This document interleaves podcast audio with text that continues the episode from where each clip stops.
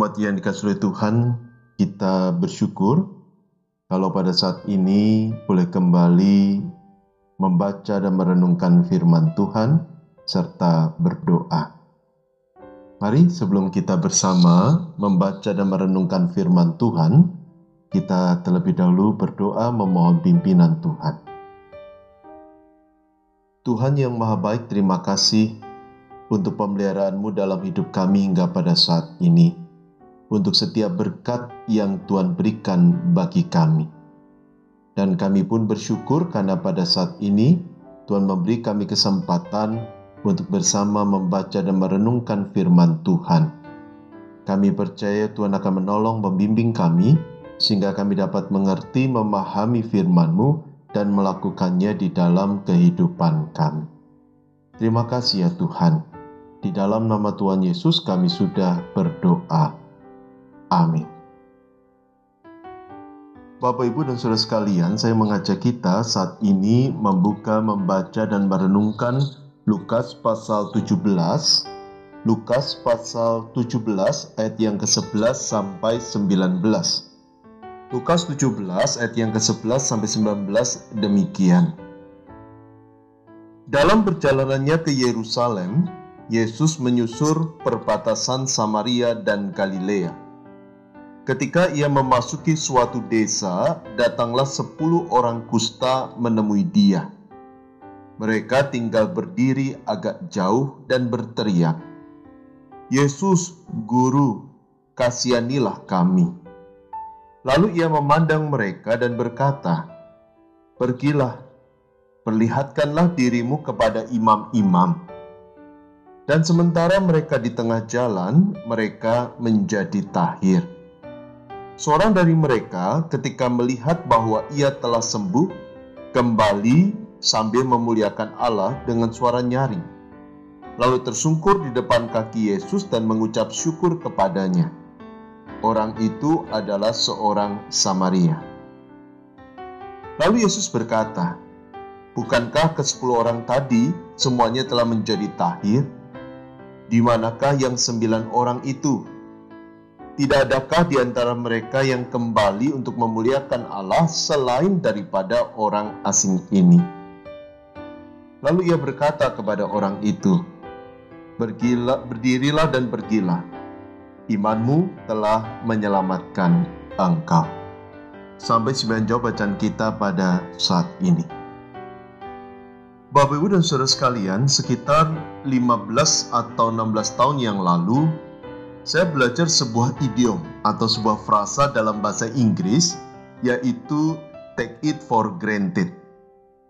Yang secara singkat, frasa idiom itu bisa diartikan tidak mensyukuri keberadaan seseorang atau sesuatu karena kamu berpikir bahwa mereka akan selalu ada.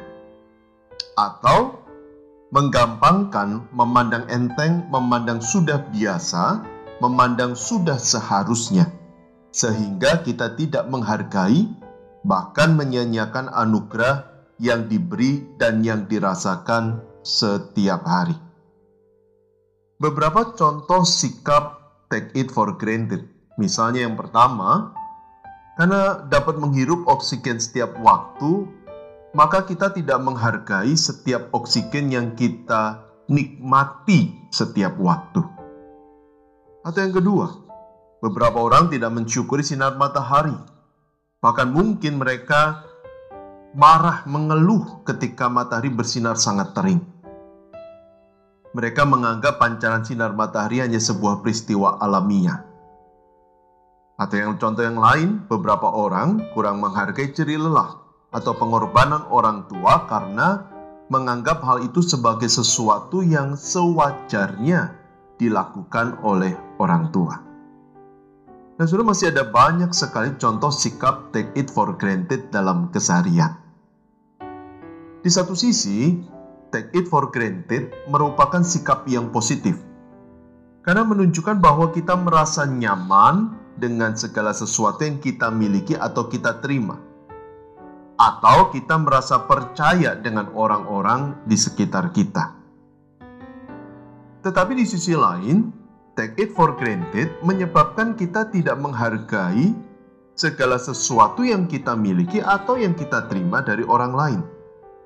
Termasuk kita tidak menghargai kontribusi orang lain dalam kehidupan kita, karena kita menganggap segala sesuatu sebagai sesuatu yang wajar atau sebagai sesuatu yang sudah seharusnya terjadi dan sudah seharusnya dilakukan oleh orang lain. Bahkan sikap take it for granted justru membuat kita lebih banyak mengeluh daripada bersyukur.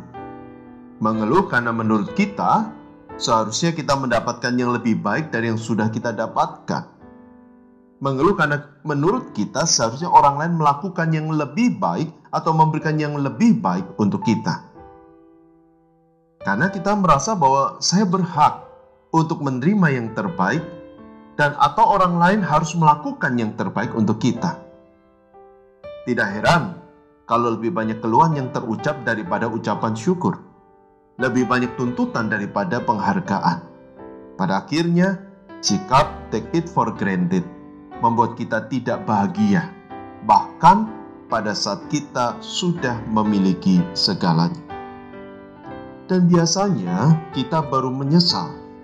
Menyesal karena kita kurang menghargai, menyesal karena kita kurang mensyukuri, menyesal karena kita tidak memberikan apresiasi pada saat kita kehilangan sesuatu atau seseorang dalam kehidupan kita. Kita menyesal karena kurang bahkan tidak menghargai hal itu pada saat masih ada dalam kehidupan kita. Dan seperti biasanya, penyesalan selalu datang terlambat. Karena itu agar tidak menyesal, mari kita memperhatikan apa yang dilakukan oleh salah satu orang kusta yang mengalami pertolongan Tuhan Yesus. Dalam Lukas 17 ayat yang ke-15 sampai 16, di sana penulis Injil Lukas mengatakan seorang dari mereka ketika melihat bahwa ia telah sembuh kembali sambil memuliakan Allah dengan suara nyaring. Lalu tersungkur di depan kaki Yesus dan mengucap syukur kepadanya. Orang itu adalah seorang Samaria. So sekalian ketika sembilan orang yang lain yang menerima pertolongan dari Tuhan Yesus pergi entah ke mana, karena penulis Injil Lukas tidak memberi catatan apa pun, ada satu orang yang kembali kepada Tuhan Yesus sambil memuliakan Allah dan tersungkur untuk menyatakan syukur kepada Tuhan Yesus dan orang itu adalah orang Samaria. Dari ketiadaan keterangan, apa pun tentang kesembilan orang itu bisa diduga. Antara mereka pergi kepada para imam seperti yang diperintahkan oleh Tuhan Yesus, yang kita bisa lihat dalam Lukas 17 ayat 14, atau mereka langsung pulang ke rumah dengan perasaan bahagia. Tetapi ke mana pun mereka pergi, dalam pikiran mereka hanya ada satu keinginan, yaitu segera kembali ke kampung halaman. Karena selama bertahun-tahun mereka dikucilkan dari masyarakat dan diperlakukan sebagai orang-orang yang berdosa. Mereka tidak boleh mendekati bait Allah. Kalau mereka berjalan di tengah keramaian, mereka harus berjalan dengan membawa sebuah lonceng, dibunyikan, memberitahukan bahwa mereka akan lewat sehingga semua orang bisa menjaga jarak dengan mereka. Karena masyarakat pada waktu itu tidak ingin bersentuhan dengan orang kusta karena supaya mereka tidak menjadi najis. Jadi tidak heran kalau kesembilan orang itu ingin segera kembali ke dalam kehidupan mereka yang lama. Apakah orang Samaria itu tidak memiliki keinginan yang sama? Pasti dia menginginkan hal yang sama tetapi dia tidak melupakan fakta bahwa Tuhan Yesus yang membuka pintu itu sehingga dia bisa kembali ke kampung halamannya. Dia sadar bahwa tanpa Tuhan maka dia akan terus terbelenggu oleh penyakit kusta itu.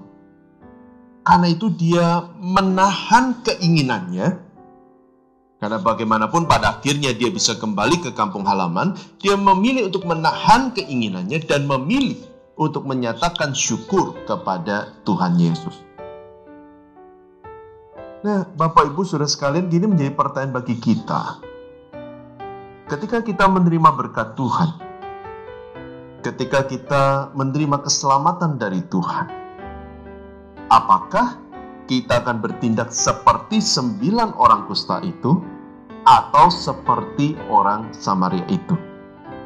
Apakah kita ingat untuk bersyukur kepada Tuhan seperti orang Samaria itu atau justru bersikap take it for granted seperti sembilan orang kusta itu? Kita merasa bahwa sudah seharusnya Tuhan menolong saya. Sudah seharusnya Tuhan menyelamatkan saya. Sudah seharusnya Tuhan memimpin menyertai saya. Sudah seharusnya Tuhan memberikan berkat. Sudah seharusnya Tuhan memberikan kesehatan. Sudah seharusnya Tuhan memberikan saya udara, sudah seharusnya saya diperlakukan dengan baik. Dan ketika kita merasa bahwa Tuhan tidak melakukan yang seharusnya menurut kita, kita mengeluh, kita merasa berhak untuk marah, kita bahkan mengancam untuk meninggalkan Tuhan. Sikap-sikap take it for granted. Apakah kita menunjukkan sikap seperti itu ataukah kita ingat selalu bersyukur kepada Tuhan menjalani hidup dengan rasa syukur dan memuliakan Tuhan dalam tiap langkah kehidupan kita. Teruskan orang Samaria itu bersyukur kepada Tuhan karena dia menyadari ketidakberdayaannya selama belasan bahkan puluhan tahun. Sehingga dia bersyukur saat Tuhan membebaskan dia dari belenggu sakit kusta. Padahal Tuhan tidak berkewajiban untuk melakukannya karena dia orang Samaria. Namun, Tuhan mau mempedulikan dia sama seperti Tuhan menyembuhkan sembilan orang yang lain.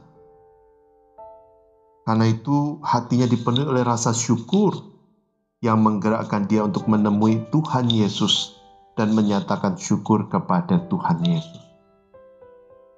Seharusnya kita berlaku sama seperti orang Samaria karena semua yang kita nikmati, semua yang kita terima, kita bisa menikmati dan menerimanya bukan karena kehebatan kita, bukan karena kita layak untuk menerimanya. Mengingat kita adalah orang berdosa yang sudah mengecewakan Tuhan, yang berlaku tidak setia, yang menuruti hawa nafsu lebih daripada ketaatan kepada Tuhan kita harusnya binasa. Kita tidak layak menerima kasih karunia Tuhan, tetapi meski kita sudah melukai hati Tuhan, Dia tetap peduli, Dia tetap memberi kita nafas, kesehatan, sinar matahari.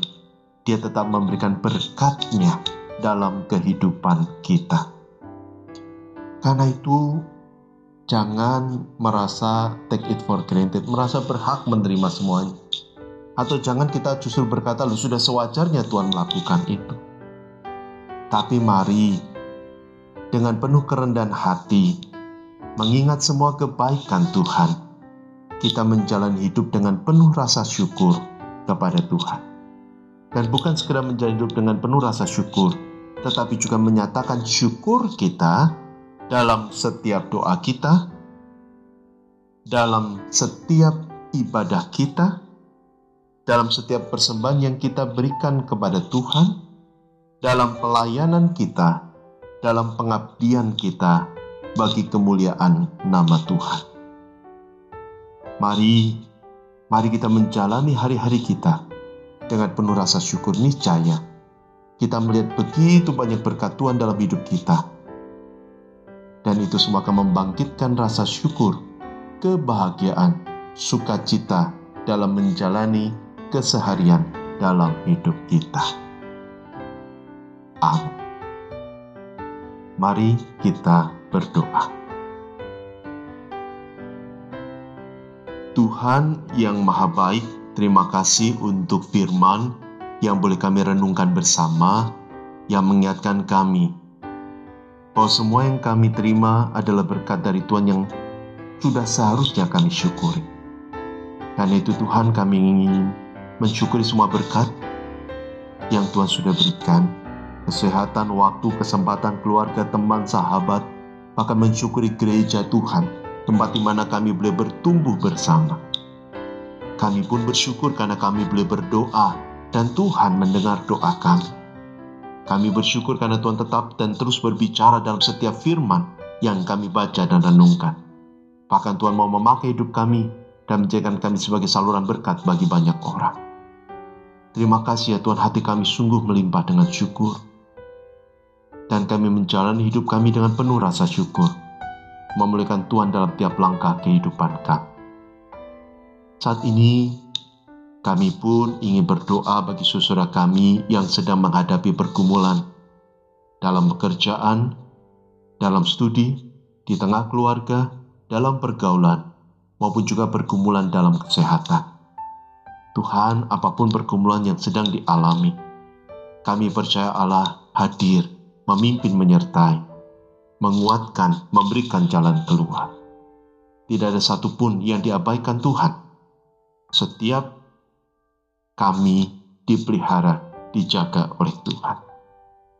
Berkati hari kami, berkati masa depan kami, berkati gereja Tuhan, berkati bangsa dan negara kami.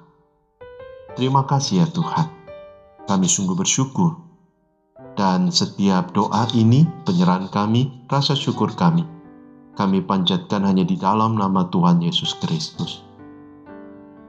Amin. Bapak, Ibu, dan saudara sekalian, izinkan saya menutup kebersamaan kita saat ini dengan membacakan sebuah ayat dari 1 Tesalonika 5 yang ke-18 demikian. Mengucap syukurlah dalam segala hal, sebab itulah yang dikendaki Allah di dalam Kristus Yesus bagi kamu. Bersyukurlah kepada Tuhan, Dia pasti memimpin, menyertai, dan memberkati kita. Amin.